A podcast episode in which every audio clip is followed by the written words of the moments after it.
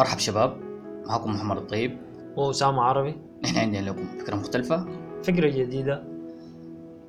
طبعا زي ما عارفين عصر التكنولوجيا والعلم والعلوم.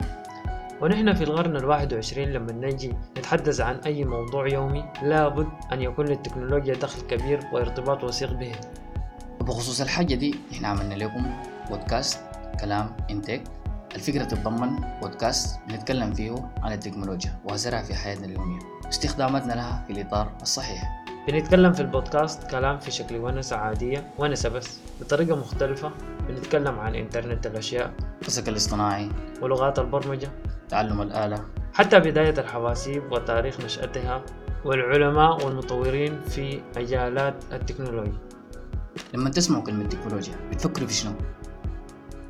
فلو ما جاتكم إجابة ما تشيلهم نحن عاملين البودكاست عشان الحاجة دي.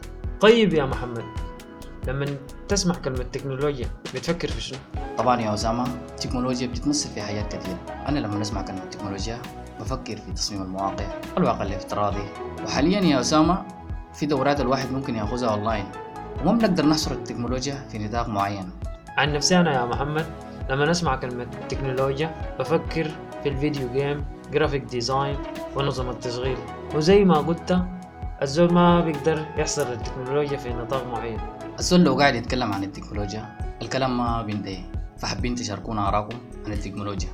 نحن طلاب جامعة السودان المفتوحة ودي مقدمة للبودكاست ودي بداية لنا. تلقونا في مواقع التواصل الاجتماعي facebook.com slash كلام انتك و SoundCloud dot com slash كلام انتك ونحن ما متوقعين متابعات ولايكات كثيرة. يعني اثنين like واحد follow كبداية. فدايما بيقول البداية صعبة لكن ما في شيء مستحيل. فدايرين دعمكم لنا عشان الناس كلها تستفيد. لكن أنا ما عارف إنه الناس بيدعمونا ولا لا. ليه يا أسامة ما تقول كده. أنا متفائل والله إنه بنلقى الدعم الكافي. فما تخذلوني يا جماعة مع أسامة عايزين تخذلوني مع أسامة أكيد لا. طبعا ممكن تلقوا البودكاست في ابل بودكاست وجوجل بودكاست شكرا لحسن استماعكم للمقدمة.